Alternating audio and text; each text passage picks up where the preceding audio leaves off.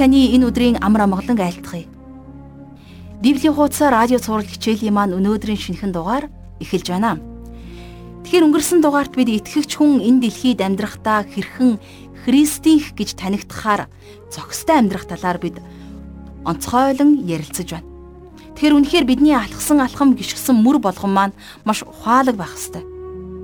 Ухаалаг гэдэг нь нарийн ухаан биш харин мэрэгэн ухааны тухай ярьж байгаа гэдгийг сонсогч та анзаарсан болов. Яагаад тэгэхээр хүн энэ дэлхийн ертөнцид яг ямар зорилгын дагуу ирснээ төдийлөн сайн ойлгодог. Тэгвэл итгэгч хүнд маш том давуу тал байна. Тэр бол Бурхны нэгүсэл, Бурхны хайр, Бурхан өөрөө юм аа. Бурхан танд амьдралын зориг утга учирыг сануулж хөдлөгдөг агуу их хүч. Хэрвээ та түүнийг сонсож чадахгүй бол дэлхийн амьдралаар амьдарч дэлхийн алхаагаар алхах болно. Магадгүй та гайхчихж болох юм. Дэлхийн хүн байж харь гаргийн гийчин шиг ийм зүйл ярьлаа гэж. Нэг талаар таны зүв гэж би хэлэх байна. Ягаад тэгэхээр Есүс Христ 2000 гаруй жилийн өмнө биднийг харанхуу гим нүглээр дүүрэн дэлхийн ертөнцөөс өөрийн үхлээр дамжуулан золин авсан. Харин танд энэ тухай хинч хэлж амжаагүй байгаа бол яг одоо ойлгож Христийг хүлээн авах боломж танд олдож байна. Тэгэхээр та нэг зүйлийг юуны түрүүнд ойлгож хүлээн зөвшөөрөх хэрэгтэй. Энэ бол бид хэдийнэ түүнийх болсон. Христ итгэгч хүн болгон Бурхны төлөө амьдрах нь ямар чухал юм бэ гэдгийг ойлгож түүний хүсэл дотор алхах учиртай юм а. Энэ алхаа үргэлж Христих гэдгийг илтгэж харуулдаг байх тусмаа илүү сайн. Бүр хэнийг ч асуугаагүй байхад Христ итгэгч гэдгээ мэдгэтгэхээр амьдрах ёстой юм. Түнчлэн энэ хичээлээс бид итгэгч хүн эзний ариун сүнсээр үргэлж дүүрч байхыг суралцсан байгаа. Энэ бол маш чухал хэсэг гэдгийг би танд онцлон хэлье. Ариун сүнсээр дүүрэх нь итгэгч хүний амьдралд үргэлж хүч чадлыг сэлбэж өгдөг гайхалтай зүйл. Сүнсээр дүүрсэн итгэлийн алхаа гიშгэ мэрэгэн байгаа зогсохгүй ариун сүнсний үр жимсээр цаг ямагт дүүрэн байд юм аа. Тинхүү бид итгэлээрээ итгэл төгс амьдрах боломжтой гэсэн үг. Энэ үнэхээр бурхны гайхамшигтай бэлэг юм аа. Ингээд хамтдаа өнөөдрийн шинэ хичээлдээ орцгоё.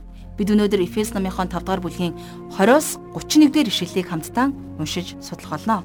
Ингээд энэ цагийг бурхан даатгаж хамтдаа залбирцгаая. Хайр инэрлийн бурхан аав минь таньда талархаж байна. Тимээ аваа та бол магтаал талархлын дээдийг авах зохистой цор ганц амьд ариун эзэн. Энэ өдөр энэ цагийг та бидэнд зөвшөөрч өгсөнд баярлалаа аваа.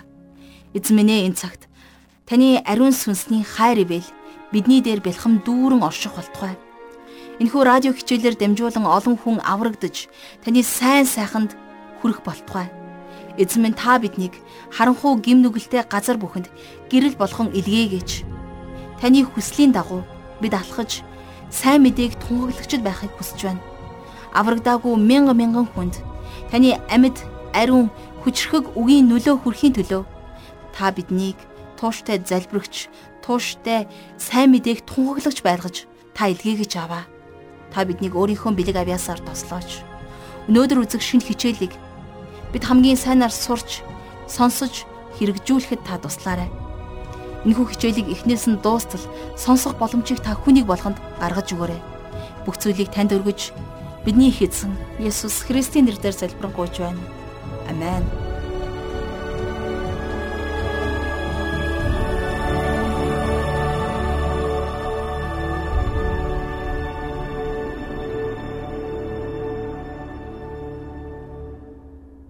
За өнөөдрийн бидний Эфес номын судлал дээр итгэгчид хэрхэн бие биедээ Христэс имэн даруугаар захирагдах.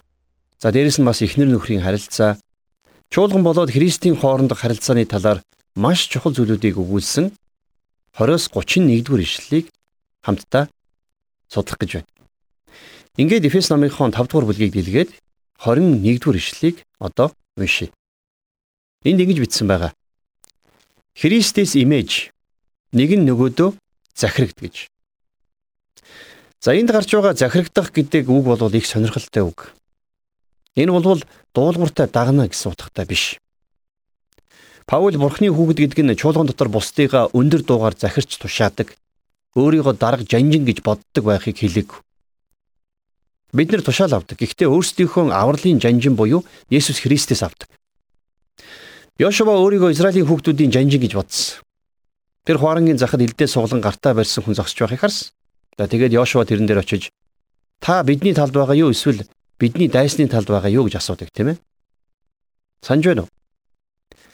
За энийг монголчлоод хэлэх юм бол хин таныг элдээ сугалж өрг гэсэн юм бэ? Би эндхийн жанжин байна гэж хэлсэнтэй адилхан байсан.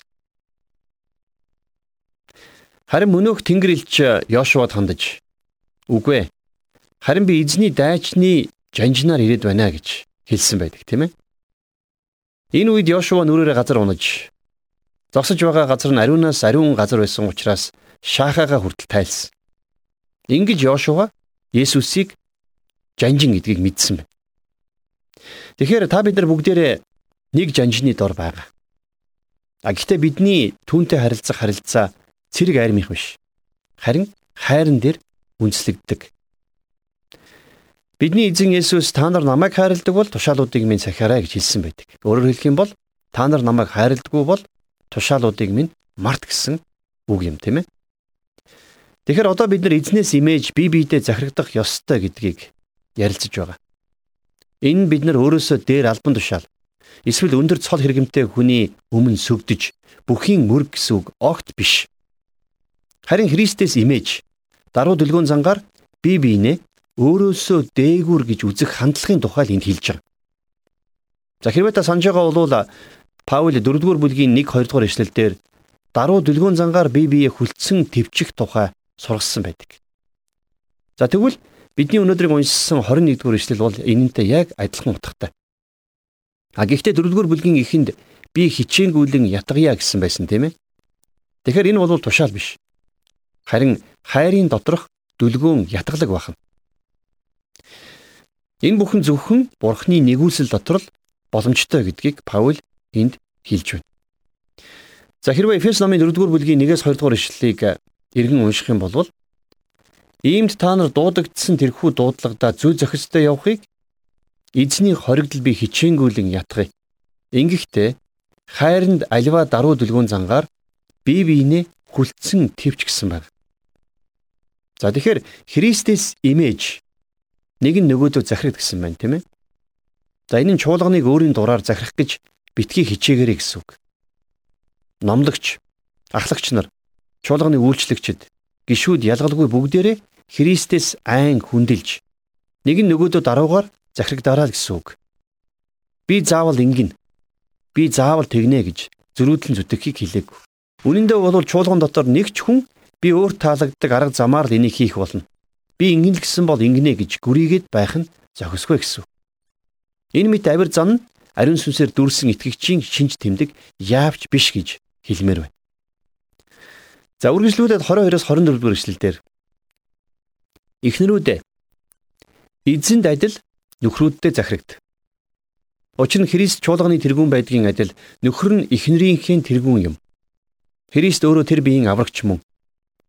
Чуулган Христэд захирагдгийн адил түүнчлэн эхнэрүүд нөхрүүддээ бүх талаар захирагдаа гэсэн байна. За захирагдах гэдэг энэ үгийг нилээд судалсны үр дүнд хэд хэдэн гайхмаар тайлбар гаргаснаа би одоо энэ төлөвлөлмөр. За энд эхнэр хүнтэй холбоотой захирагдах гэсэн үг гарч байна тийм ээ. Тэгэхээр энэ үг бол өнгөрсөн хугацаанд тайлбарлагдаж ирснээс арай өөрөөр ойлгогдох цаг нь болсон байна. Юу гэвэл Энэ нь эхнэрүүд нөхрөө дуулууртай даг гэсэн үг биш. Тэгэхээр захирагдах гэдэг энэ үг бол эерэг үг. Энэ бол хайран дээр үндэслэгдсэн үг. Энд хэлсэн байгаа биз эзэн захирагдгийнхаа адилаар нөхөрдөө захирагдаарай гэсэн. Тэгэхээр эзэн биднийг эхлээд хайрлсан учраас бид эргүүлээд хайрладаг. Тэгэхээр бид бас яг үүнтэй адилхан хайран дээр үндэслэгдэж нөхрүүдээ хайрлах ёстой гэдгийг эхнэрүүдэд заасан байна. Ховжилсан. Ийм гайхамшигтай хайрын харилцаа нь сайн дураар захирагдах үндэс суурь болдог. Паулийн итгэгчдэд хандан Христэд итгэгч гэрлэлтийн тухай бас давхар ярьж байгаа гэдгийг бид ойлгох хэрэгтэй. Юу гэвэл эхнэр нөхрийн харилцаанд нөхөр нь эхэлж санаачлагч, өдөөгч байх ёстой. Нөхөр нь бие махбодын харилцааны хувьд ч гэсэн санаачлагч нь байдаг. Тэр дотн харилцааг санаачилж үүсгдэг. мөн гэр бүлдээ ч өрхийн тэргүүн байдаг. Нөхөр хүн гэр бүлээ тижээх авчих үүрэгт. А гэхдээ ийм байлаа гэд нөхөр хүн болвол гэртээ захирагч юм уу эсвэл босс биш юм. Эхнэр нөхөртөө итгэгч хүн Христэд хайраар хариу үйлдэл үзүүлдэг шиг л хандах ёстой гэдгийг Паул энд хэлж байна. Тэгэхээр санаачлагыг гартаа авдаг нь эр хүн байх нь. Эмэгтэй хүн тийм ээ гэж хэлдэг. Эр хүн өөрт нь хайртай гэж хэлэхгүй бол эмэгтэй хүн эхэлж тэгж хэлэх алавгүй. Эр хүн хүүтэн ихнэртэй гэж хэлж байгаа бол өөрөө хүүтэн нөхөр учраас л тэр. Эр нөхөр ямар байх ёстой? Тийм байж чадаагүй л гэсэн үг. Тэгэхээр санаачлагч байх нь эмэгтэй хүний үүрэг биш ээ гэдгийг л ойлгох хэрэгтэй. Харин эмэгтэй хүний үүрэг бол нөхөртөө халуун хараар захирагдах явдал юм. За юу гэж хэлсэн бэлээ? Учир нь Христ чуулганы тэргүүн байдгийн адил нөхөр нь эхнэрийнхээ тэргүүн юм а гэж. За тэгвэл энд ямар арга замыг зааж өгсөн бэ? Энэ бол хайрын харилцаа гэдгийг хэлж байна. За дээрэс нь гэр бүлдээ эмх цэгцийг хадгалж байх үүднээс нөхөр нь гэрийн тэргүүний үүргийг гүйцэтгэдэг гэдгийг их тодорхой хэлсэн байна. За тэгэхээр Эфес номын энэ хэсэг дээр бол эмх цэгцийг хадгалах үүднээс дөрвөн удаа тэргүүн гэдэг ойлголтыг Паул гаргаж ирдэг. За эхнэрүүд нөхөртөө захирагдах ёстой. Дээрээс нь нөхрүүд Христэд захирагдах ёстой. За дараагаар нь хүүхдүүд эцэг ихтэй захирагдах ёстой. Тэгээд дөрөвдүгüрт нь зарцнаар эзэндээ захирагдах ёстой. За энэ бол өөрийг хайрладаг хин нэгэнд хайрын улмаас захирагддаг сайн дурын захирагдалт гэдгийг их тодорхой хэлсэн байна. Энэ бол ямар нэгэн сохроор захирагдах явдлын тухай ерөөсөө яриаг. Тэгэхээр Христ итгэгч хүмүүсийн харилцаа яг л ийм байх ёстой. Хэрвээ энэ харилцаанд хайр байхгүй бол ямар ч утгагүй. Бурхан анх Адам Ева хоёрыг эдийн цэцэрлэг тийм л байхаар бүтээсэн. Адам өөрт нь хин нэгэн хэрэгтэйг ойлгох хүртэл нь Бурхан Еваг бүтээж өгөөгүй баг. Адам өөрт нь хин нэгэн хэрэгтэйг ойлгох хүртэл нь Бурхан Еваг бүтээж өгөөгүй. Тэрнийг туслагч болгоо гэсэн. Тэгэхээр туслагч гэдэг нь нэг биеийн нөгөө тал гэсэн үг тийм ээ. Эхнэргүүгээр эр хүн зүгээр л тал хүн. Харин бурхан тэднийг нийлүүлээд Адамууд биш. Адам гэж нэрийдсэн. Тэгэхээр Паул айлгэрийн талаар сургахдаа Христэд итгэгч гэр бүл бол Христ чуулган хоёрын хоорондын харилцааны тойл юма гэдэг санааг илэрхийлсэн байдаг. Христ чуулганы тэргүн тэр үүний төлөө амиа өгсөн гэдэг өнцгөөс харах юм бол Христ чуулгантай харилцах харилцаа эхнэр нөхрийнхөөс өөр. Нөхөр эхнэрийн аврагч биш. Харин захирагдах гэдэг талаасаа эхнэрхүү нөхөртөө болон эзэн Есүс Христэд захирагдах учиртай. За үргэлжлүүлээд 25 дугаар ишлэгийг одоо уншийе. Нөхрүүдээ Христ чуулганыг хайрлаад түүний төлөө өөрийгөө өгсөний адил эхнэрүүдээ хайрл. За тэгэхээр хэрвээ өөрт нь хайргүй эсвэл энэ ишлэлд хэлсэн шиг өөрийг нь хайрладгүй эр хүн захирагдаа гэж бурхан хэлсэн гэж ойлгож байгаа бол энэ ташаа ойлголт байх нь тийм ээ. Энэ ямар гайхалтай өндөр түвшний христчин хайрын тухай ярьж байна гэж. Өнөөгийн залуу сексийн тухай судлах болж бас гэрлэлтийн талаарх тоолшгүй олон номыг уншдаг болсон. Гэрлэлтэн дэх жинхэнэ хайрыг Христ ба чуулганы хоорондох харилцааны өндөр түвшинд авч үздэг болохоор энийг зөвхөн итгэгч хүмүүс л ойлгоно. За ийм хайраас илүү гайхамшигтай зүйл гэж байхгүй. За 26 дугаар ишлэл. Тэр чуулганыг үгээр дамжуулан усан дугааж цэвэрлэн ариусгаад.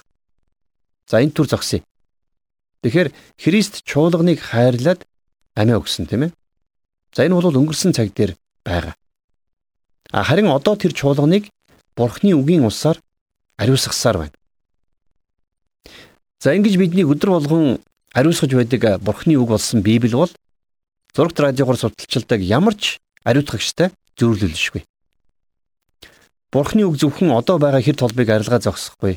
Таны амьдралд нэмж хэр толб тогтохоос хамгаална. За 27 дугаар ишлэл дээр түүнийг ямар ч толб үрчлээсгүй. Эсвэл алив ийм юмгүй. Харин ариун гим зэмгүй байлган өөрийнхөө өмнө алдарт чуулган болгох гэсэн билээ гэсэн байна. За ирээдүйд Есүс чуулганыг ямар ч толб үрчлээсгүй харин ариун гим зэмгүй байлгаж өөрийнхөө өмнө алдарт чуулган болгох болно. За яг л сүд бүсгүй нөхөрт гарах мэд чуулган Христэд өргөгднө гэдгийг илчлэлт ном бидэнд өгүүлдэг. Эмэгтэй хүн бүр хурмынхаа өдөр хамгийн үзэсгэлэнтэй байдаг шүү дээ. Тэгэхээр Христ биднийг загалмай дээр өөрийнхөө цусаар аварч дараагаар нь тэр өөрийнхөө гайхамшигтай үгээр биднийг өдөр бүр ариусгаж харин ирээдүйд тэр биднийг өөртөө авахар бэлтгэж байгаа гэдэг. Өнгөрсөн одоо ирээдүйд цагуудын талаар сая товчхон ярилцлаа. Христ чуулганыг хайрлсан. Тэр чуулганыг хайрлсан учраас хариуцгаж байгаа. Ингээд ирээдүйд бүх гим нь арчигдсан сүд бүсгүй мэд чуулган түүнд өгөгдөх нь байна. Ингээд чуулган ариун хийгээд гим зэмгүй болно. За дараагийн 28-аас 32 дугаар ишлэлдэр Тиймээс нөхрүүд ч эхнэрүүдээ өөрийн бие адил хайрлах ёстой. Эхнэрээ хайрлагч нь өөрийгөө хайрладаг. Учир нь хинж хизээч өөрийн махуудыг үзен яддаггүй. Харин ч тижээж халамжилдаг. Христ мөн чуулганд инхүү ханддаг. Учир нь бид түүний биеийн эрхтнүүд юм. Тиймээс эр хүн эцэг эхийн орхин эхнэртэйгээ нийлж хоёул нэг махбод болно. Энэ нууц нь агуу юм. Гэвч би Христ ба чуулганы тухайд ярьж байна гэж Паул бичсэн байна. Тэгэхээр би энэ багц ишлэлийг тасалгүйгээр энд оруулснаар Паул эхнэр ба нөхөр Христ ба чуулган гэсэн хоёр сэдвийг ямар их чухалчлан үзэж байгааг илэрхийлэх гэсэндээ. Христ ба чуулганы тухай ярьсныхаа дараагаар Паул эргээд эхнэр нөхөр хоёрын тухай ярьж байгаа. Нөхрүүд ч эхнэрүүдээ өөрийн бие адил хайрлах ёстой гэж. За гэрлэж байгаа хосын цайлганд хэрэгтэй зүйл нь ориглон дарс биш. Харин тэд хоёулаа ариун сүнсээр дүүрэх ёстой. Тэгвэл тэд нэр өөр ямар ч хосын идэл чадаагүй тийм сайхан бал сарыг идэх болно. Хосууд гэрэлснээр эхнэр нөхрийнхөө биеийн нэг хэсэг болдог учраас нөхөр нь эхнэрээ хайрлах ёстой. Энэ нь чуулган Христийн бие, Христ биеийн толгой байдагтай яг адилхан юм. Энэ утгаараа нөхөр эхнэрийн тэргүүн. Хүн өөрийн биеийг үзен ядаж чаддгүйтэй адилхан эр хүн өөрийн бие болсон эхнэрээ хайрлахгүй байх боломжгүй. Чуулганы сул дорой эмзэг байдлыг Христ ойлгодог учраас түүнийг шин тижээлээр хангаж хайрлан халамжилдаг. Тэгвэл нөхрүүд яг энэтэй адилхан байх ёстой. За 31 дугаар ишлэлдэр Эхлэл номын 2 дугаар бүлгийн 24 дугаар ишлэлээс иш татсан байна.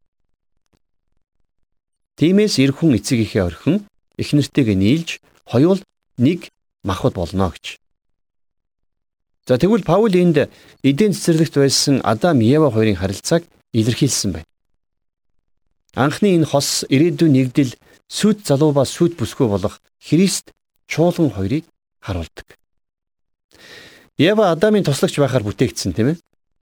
Тэрнийг Адамын хажуу хаврагнаас авч бүтээсэн. Бусад амьтад шиг газар шорооноос бүтээгээгүй. Тэд нар нэгдэн нийлэх хүртэл Адам дутуу дулмиг байсан. Ингээд бурхан Еваг урлан бүтээгээд Адамд авчирхад Ева хамгийн хайр татам үзэгсэлэнтэй бүтээл байсан байхаа гэж би боддог. Тэгэхээр Ева Адамын дутуу долимог бүхнийг нөхөж байсан байна. Түүнийг Адамд зориулан оролцсон болохоор тэд нэг бие болсон байна. За эр хүнийг еврейгээр иш харин эмэгтэй хүнийг иша гэдэг. Тэгэхээр энэ хоёр бараг л нэг үг. Яагаад үг гэвэл тэрнийг эрэгтэйгээс авч бүтээсэн гэдгийг илэрхийлсэн байдаг. За ингээд 5 дугаар бүлгийн 33 дугаар ишлэгийг хамтдаа уншийе. Гэхдээ хинчин ч өөрийгөө хайрладгийн адил эхнэрээ хайрл. Эхнэр нь нөхрөөсөө имэж бай гэсэн байна. За гэхдээ гэдэг энэ үг бол биднийг энэ доор дэлхийн амьдрал руу чиглүүлж байна. Энэ бол гэрлэлтийн бодит амьдралд хэрэгжүүлэх хэсэг байна. Гим нүгэл энэ гайхалтай харилцаанд ямар их саад тодгор учруулдаг вэ гэдгийг бид нар сайн мэднэ. Ер нь гим нүгэл бусад бүх зүйлийг л яг үүний адилаар сүйтгэж байдаг. А гэхдээ та хамгийн сайныг авахыг хүсэн тэмүүлэх юм бол тэр гайхалтай хайрын харилцаа таних бол болно. Энэ бол боломжтой. Паул уншигчийн анхаарлыг буцаагаад гэр доторх маш энгийн өдөр тутмын христчин хүний амьдрал руу хандуулж байна, тийм ээ? Хин ч ч өөрийгөө хайрладгийн адил эхнэрээ хайрлаа гэж. Эхнэр хүн ямар төрлийн нөхөр захирагдахыг энд хэлж байна. Гэр бүлийн нөхөр эхнэр хоёр бол ирж байгаа алдрын нууцын сүүдэр юм. Ингэснээр Паул хоолсон мөрөөдлийг бодит болгох, уянгийн халилыг амьдралд дүүрэн идэх арга зам болгон ийхүү зааж өгсөн байна. Ингээд дараагийнхаа хичээлээр эргээд уулзъя.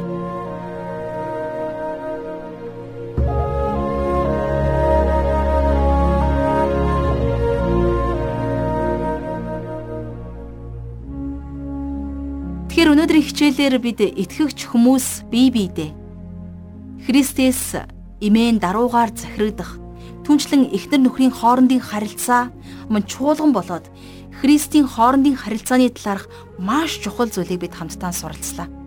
Тэгэхээр энэ бүх харилцаа бол зөвхөн хайран дээр үндэслэгдснээрээ бат вих цэвэр ариун байх боломжтой.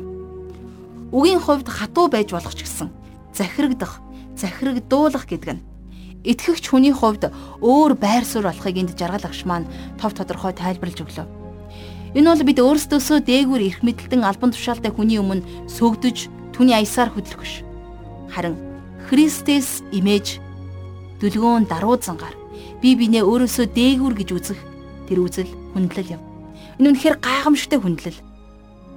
Чуулган бол Христийн бие гэдгийг итгэгчид бид бүгдээрээ мэднэ. Тэгэхээр Христэс имэж нэг нь нөгөөдөө захирагдаа химэн Бурхан бидэнд тушаалаа дахин сануулж байна. Үнэхээр чуулганыг хин нэгэн маань ганцаараа дур мэдэн захирах үед олон сөрөг зүйлтэй бид учирдаг. Харин нэг нь нөгөөгөө хүндэлж эрхэм даруугаар захирагдвал үнэхээр Батвих хан хэрэм мэт байх болно гэдгийг итгэлийн ах дүүс маань жиг тавин суралцсан гэдэгт итгэлтэй байна. Мөн энд Илч Паулийн онцгойлон загсан зүйл бол эзэнт захирагдахын нэгэн адил нөхөртөө захирагдаарай гэсэн нэгэн чухал хэсэг байсан. Гэр бүл гэдэг бол хүний амьдралын хамгийн нандин зүйл. Тийм ч учраас Бурхан танд гэр бүлийг бэлгэлсэн. Тэр өөрөө бидэнд бэлгэлсэн бэлгээ үн цэнтэй байлгахын тулд гайхалтай мэрэгэн тушаалаа бас өгсөн байна. Гэр бүл амар тайван байж гэмээр. Альва хүний ажил үйлс бүтэмжтэй сайн сайхан байдаг. Тэгэхээр нөхөр нь эхнэрээ өөрийн бие мэд хайрлаж, гэр бүл үр хүүхдээ тижэн хангах Харин эхнэр нь нөхөртөө итгэгч хүн Христийн хараар бие биенээ хариу нэхэлгүйгээр хайрладаг шиг хандах тэрл эрхэм үүргээ нэн тэргүүн тавьбал Бурхны амар тайван тэр айлд оршин тогтнох болно. Тэгэхээр энэ хүрээд өнөөдрийн хичээл маань өндөрлөж байна. Тэгэхээр өнөөдрийн Бурхны танд өгсөн үг зүрх сэтгэлтэй шигтгэе мэт гэрэлтэж гайхамшигтай гэрчлэлийг авчрах болтугай гэсэн эрүүлөөр өнөөдрийн энэ цагаа өндөрлөе. Мэдээж хамтдаа сурч мэдсэн зүйлийнхаа төлөө Бурханд яг одоо хамтдаа талархал өргөж залбирцгаая. Хайрын үндэс болсон бурхан аав минь таньда ам амьдралд минь бий болсон аль бүхний төлөө талархал өргөн залбирч байна. Зовлонтой, жаргалтай үед ч гэсэн эзэн минь та бидний дэргэд байж ухаарлын үгээрээ та босгоон тэнхрүүлдэгт баярлалаа эзэн минь. Давид хаан таны нэрээр тэнхэрсэн шиг эзэн бурхан минь ээ бид ямар ч зовлон бэрхшээлийн өмнө таны нэрээр таны хүчрхэг ариун нэрээр бид тэнхээжин босхийг хүсэж байна. Эзэн бидэнд өгсөн гэр бүл, үр хүүхэд, эзэн аав ээж, төрөл төрөсөд ажил, үйлчлэлийнхаа төлөө, сүм чуулганыхаа итгэгч хахан дүүсийн төлөө, бас эзэн талбар болгонд байгаа удирдгчдийнхаа төлөө таньда талархал өргөн залбирч байна. Та тэднийг минь ивэж өрөөх болтугай. Эзэн бурхан минь гэр бүлийн үн цэнийг мөн энэ нийгэмд Монголд тунхаглаж та үнэхээр таны дотор өрөөгдсөн, ивээгдсэн олон гэр бүлийг та бий болгооч. Эзэн үүний тулд та бидний авиас бэлгийг, та бидний гэр бүлдээ үйлчилж байгаа үйл хэргийг эзэн та ашиглаач гэж гуйж байна. Бурхан эзэн минь бидний гим нүгэлтэд сул дорой байхад та биднийг урдаас хайрлаж бидний төлөө цорын ганц хүүгээ энэ дэлхий рүү илгээж түүний дээр бидний бүхий л гим нүглийг тохож түүнд загламайн зовлон эдлүүлж 3 хоногийн дотор бидэнд өгөгдөх сайн сайхны төлөө бидэнд өгөгдөх эдгэрлийн төлөө та түүнийг амьлуулсан шигэ. Энэхүү гайхамшигтай хайр ивэлийн төлөө таньда талархаж байна. Үргэлжлүүлэн их эзэмн бидний амь амьдралыг бидний өдөр хоногуудыг эрх өдрүүдийг та ивэл өрөөлдөө байлгаж өгөөрэй. Бүхий л өдөр хоногуудын минь туршид их эзэн та алдарш болтугай. Бүхий л зүйлсээ танд өргөж даатгаж таны цорын ганц хөө бидний итгэлийн зохиогч Есүс Христийн нэрээр залбирanгуйч байна. Амен.